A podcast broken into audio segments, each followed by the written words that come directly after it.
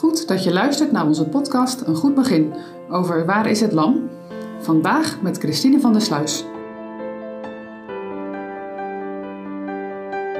De zondebok. De Joden brachten dagelijks offers tot God, omdat er ook dagelijks zonden te beleiden waren. Maar één keer per jaar was er een speciale dag, de grote verzoendag. De hoge priester gaat dan namens het volk het heilige der heiligen in. Hierover gaan we samen lezen uit Leviticus 16, vers 2 tot en met 10. De Heere dan zeide tot Mozes, spreek tot uw broeder Aaron, dat hij niet te allen tijden ga in het heilige, binnen de voorhang, voor het verzoendeksel dat op de ark is, opdat hij niet sterven, want ik verschijn in een wolk op het verzoendeksel. Hiermee zal Aaron in het heilige gaan, met een var, een jong rund ten zondoffer en een ram ten brandoffer.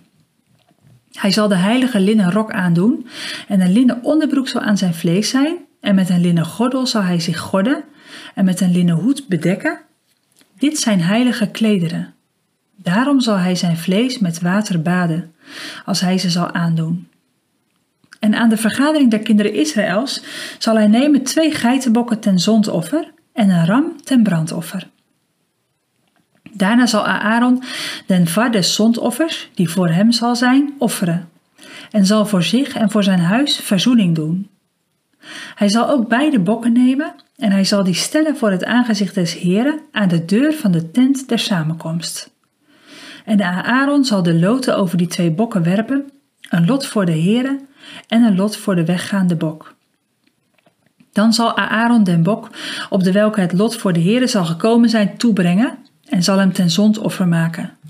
Maar de bok op de welke het lot zal gekomen zijn, om een weggaande bok te zijn, zal levend voor het aangezicht des Heren gesteld worden, om door hem verzoening te doen, opdat men hem als een weggaande bok naar de woestijn uitlaten. Ga je mee naar de ingang van de tabernakel? Daar staan die twee bokken uit vers 5. Samen vormen ze het zondoffer voor God. Eén bok is bestemd voor de slacht en de ander zal de woestijn ingestuurd worden.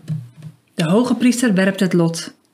Het lotwerpen was geen lot uit de loterij. Nee, God heeft de leiding in dit offerritueel. De Heere geeft dus aan welke bok bestemd is voor het zondoffer en welke bok de woestijn ingestuurd moet worden.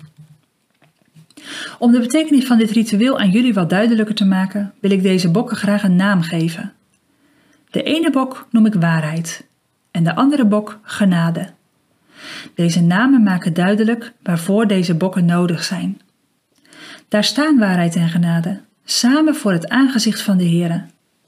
Ze wijzen het volk op het offer dat de Heer Jezus eens zal gaan brengen. Door dat offer zal de waarheid het van de leugen winnen. Zonder waarheid geen genade.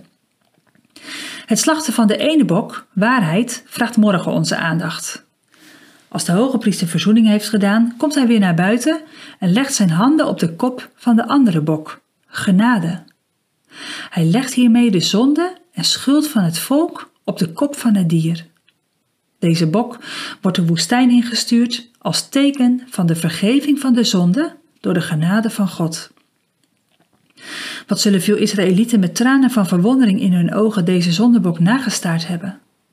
Want daar gaat hun schuld, hun zonde, hun ongerechtigheid, ver weg, de woestijn in. Zonde die ze eigenlijk zelf moeten dragen, maar nooit zelf kunnen wegpoetsen. Kreukels die ze niet gladgestreken krijgen. Wat een genade dat er een zondebok aangewezen is, onverdiend. In Jezus zijn genade en waarheid. Hij is de waarheid. En weet je, misschien vind je woorden als schuld, straf, rechtvaardigheid en zonde wel heel zwaar en naar klinken. Misschien word je er wel een beetje treurig of opstandig van. Moet het allemaal echt zo zwaar en moeilijk? Er is toch genade? Jazeker, er is genade. Wat een wonder. Juist dankzij de waarheid is er genade mogelijk en is de genade zoveel heerlijker.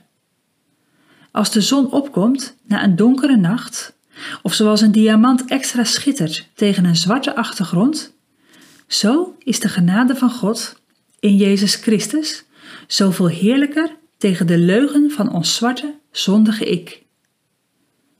Staar vandaag in gedachten die bok nog eens na. Zie je hem nog lopen? Of zie je hem al niet meer? Zover kunnen jouw zonden ook weggedragen worden, om nooit meer terug te komen. Door het offer van de Heer Jezus, die de schuld van zijn volk op zich nam, om deze voor eeuwig weg te doen. Zoek Hem.